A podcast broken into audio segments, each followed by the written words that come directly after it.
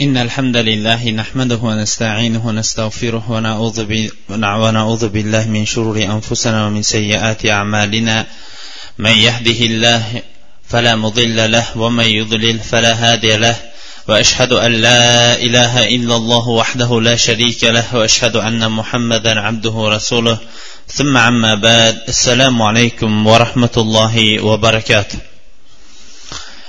Odatdagiday suhbatimizni boshlashdan avval biz alloh taoloning go'zal ismlari va oliy sifatlari bilan ushbu majlisimizni muborakli va davomiy majlislardan qilishligini tarqalishligimizda esa alloh taoloning ilm halaqalarini qidirib yuruvchi farishtalari bizlarga qarata ey ollohning bandalari endi sizlar o'rninglardan turaveringlar.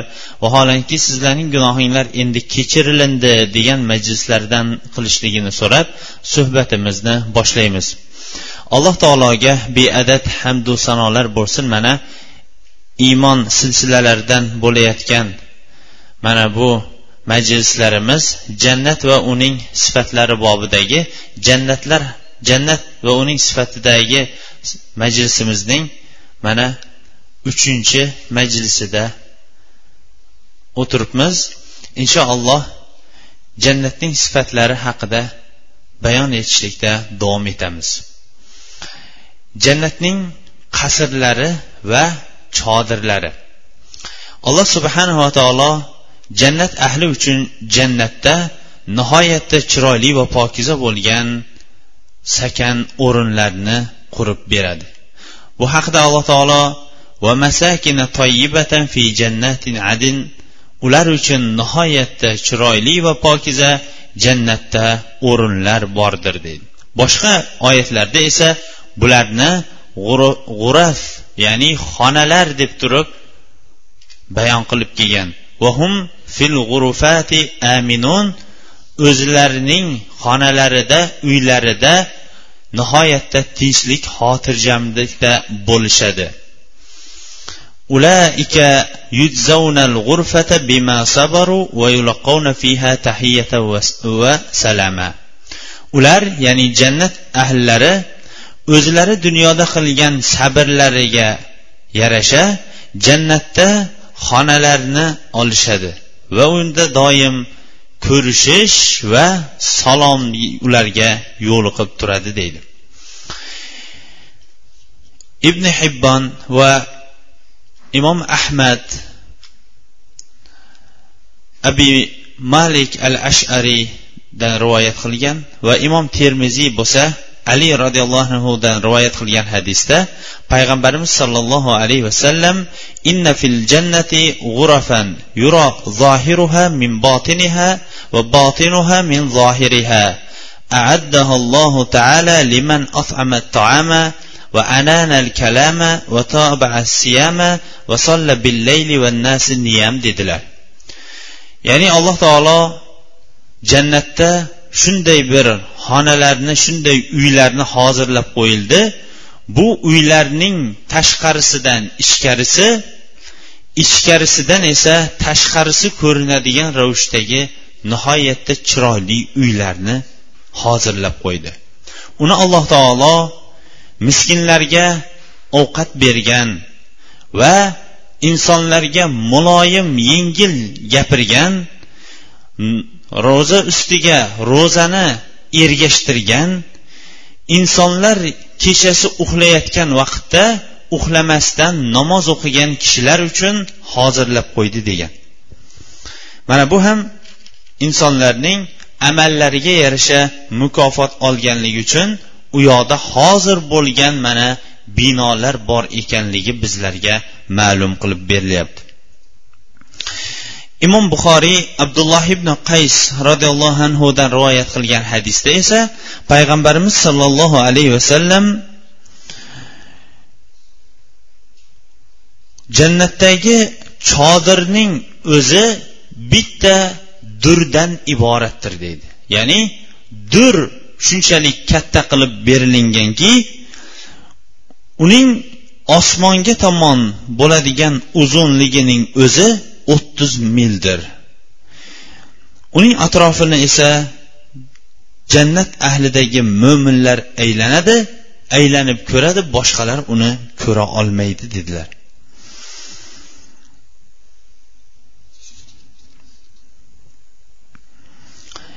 Bu jannatdagi uylarga yetishlik yo'llarini ham payg'ambarimiz sollallohu alayhi vasallam bizlarga bayon etib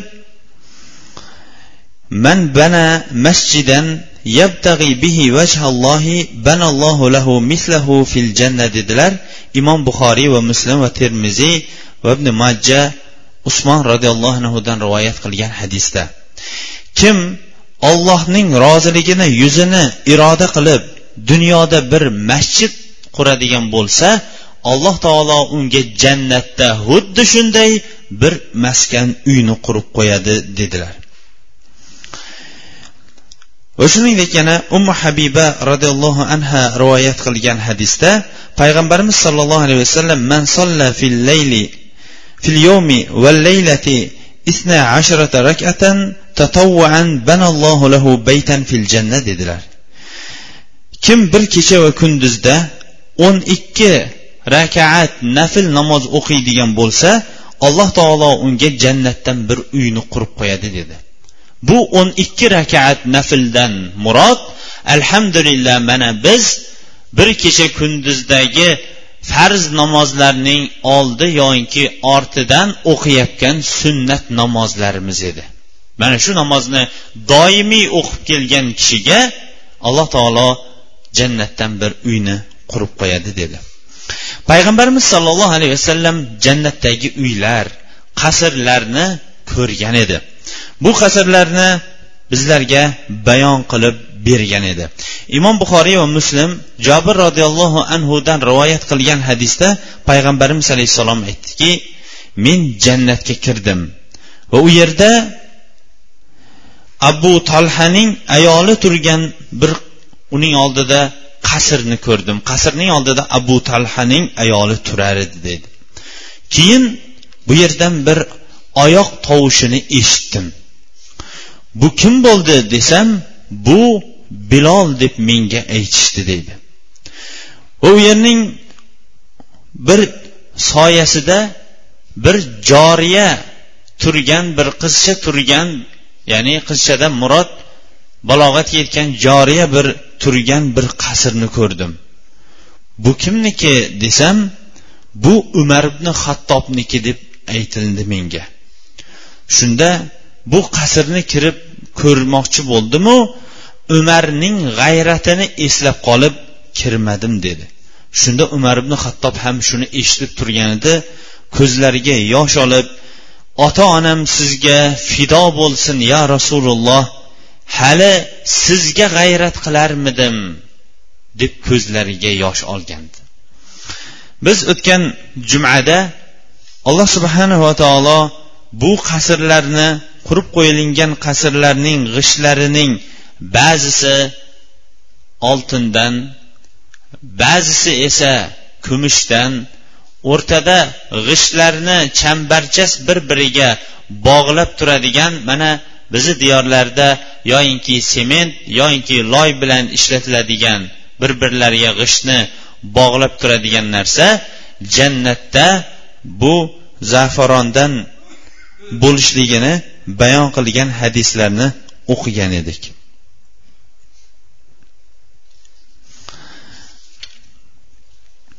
Jannatdagi nur. Jannatda kecha va kunduz degan masala bo'lmaydi. Chunki jannatning o'zi nurdan iboratdir. U yerda kech kiribdi kunduz bo'libdi tong otibdi kun almashibdi degan masala yo'qdir. Lekin kunning almashishligini ular parda tortilishligi eshiklarning bekilishligi bilan kechaning miqdorini ular mana shu bilan bilishadi.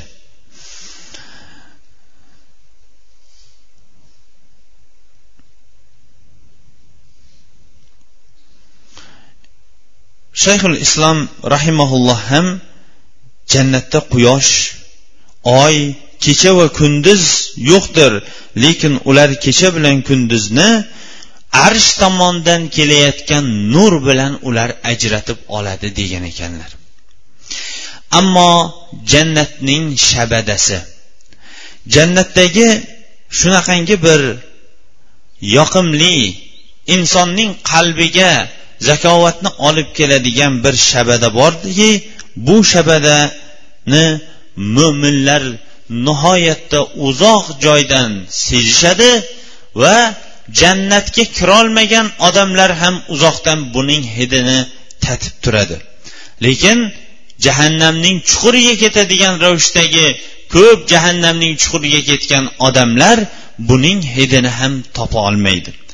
Bu hid jannatnida esadigan shamolning hidi nihoyatda o'tkir va uzoq masofagacha yetishligini mana hokim o'zini mustatragida sahih isnod bilan rivoyat qilgan hadisda payg'ambarimiz sollallohu alayhi vasallam ahli zimmani o'ltirgan kishi jannatning hidini topmaydi vaholanki jannatning hidi yetmish yillik masofalik yo'lgayam yetib turardi dedi. Mana shunchalik ravishda jannatning hidi shabazasining hidi o'tkir va uzoq joylarga yetguvchidir ammo jannatdagi daraxtlar va uning mevalari. Jannatdagi mevalar nihoyatda turlidir. Alloh subhanava taolo mana hadis qudusiyda bizlarga bayon qilganiga o'xshash men solih bandalarimga ko'z ko'rmagan quloq eshitmagan va insonning qalbiga ham tushmagan ne'matlarni hozirlab qo'ydim deydi. Jannatdagi ne'matlar agarchi ular nomlari dunyoda bir bo'lsa ham ba'zi mevalarniki lekin ularning haqiqati va kayfiyati turlichadir. Shuning uchun ham jannatga kirgandan keyin ba'zilar nomlarini mevalarning ba'zi nomlarini ko'rib iya bu jannatda boru deydigan bo'lsa lekin bu dunyoda bordiyu deyiladigan bo'lsa va utu biha mutashabiha dunyoda mana shu sizlar bor deyayotganiga o'xshashini shu jannatdagiga o'xshatadiganni olib kelib beringlarchi. Ular nomlari bir bo'lganligi bilan ularning haqiqatlari boshqa boshqa bo'ladi. Xuddi qasrlar chodirlar deb tarjima qilib bu yerda jannat binolari bayon qilinganiga o'xshash lekin dunyoning qasrlari bilan jannatning qasrlari hech ham barobar bo'la olmaydi. Dunyoning chodirlari bilan u jannatda qo'yilingan chodirlar hech ham barobar qo'yilolmaydi jannatdagi mevalar va daraxtlar jannat umumiy soyalardan salqinlikdan iborat bo'lgan o'rindir. Jannatda quyoshning nurida kuyishlik quyoshning nurida insonlarning qiynalib qolibdi degan masala yo'q. Chunki u yerda quyoshning o'zi yo'q lekin yorug'lik bu yorug'lik esa inson uchun biron bir aziyatni ham yetkazmaydi balki rohatni keltiradi. U yetmagandek daraxtlarning soyasining ko'lankasining uzunligi ham insonning aqli bovar qilmaydigan ravishdagi rohatni keltiradi. Va u daraxtlar dunyodagi daraxtlarga o'xshash. Faqatgina ba'zi fasllarda o'zining chiroyini ko'rsatib ba'zi fasllarda o'zidan to'kilgan bu barglaru hashaklar bilan insonlarga mashaqqat keltiradigan daraxtlar emas. Jannatdagi daraxtlarning hammasi insonlar uchun jannat ahli uchun rohat keltiradigan daraxtlar va ular doimiy o'sha o'zlarining shakllarini barglarini saqlab qoladigan daraxtlar hisoblanadi. Daraxtdagi jannatdagi ba'zi bir daraxtlar bizlarga bayon qilib berilingan. Bu daraxtlarni soyasida nihoyatda uchqur ot bilan tez yurguvchi chavandoz bir daraxtning soyasida yuz yil davomida yurishligi ham mana bizlarga hadislarda bayon qilib berilgan. Muttafaqun alayh bo'lgan hadisda abu said hudriy aytadiki inna fil jannati la shajaratan yasiru rakibul jawwad al mudmiru sari mi'ata amin va ma yaqtauha. Jannatda shunday daraxtlar borki bunda nihoyatda charchamaydigan va yurishi tez bo'lgan qattiq ot bilan yuradigan chavandoz yuz yil yuradiyu lekin bu daraxtning soyasini kesa olmaydi degan.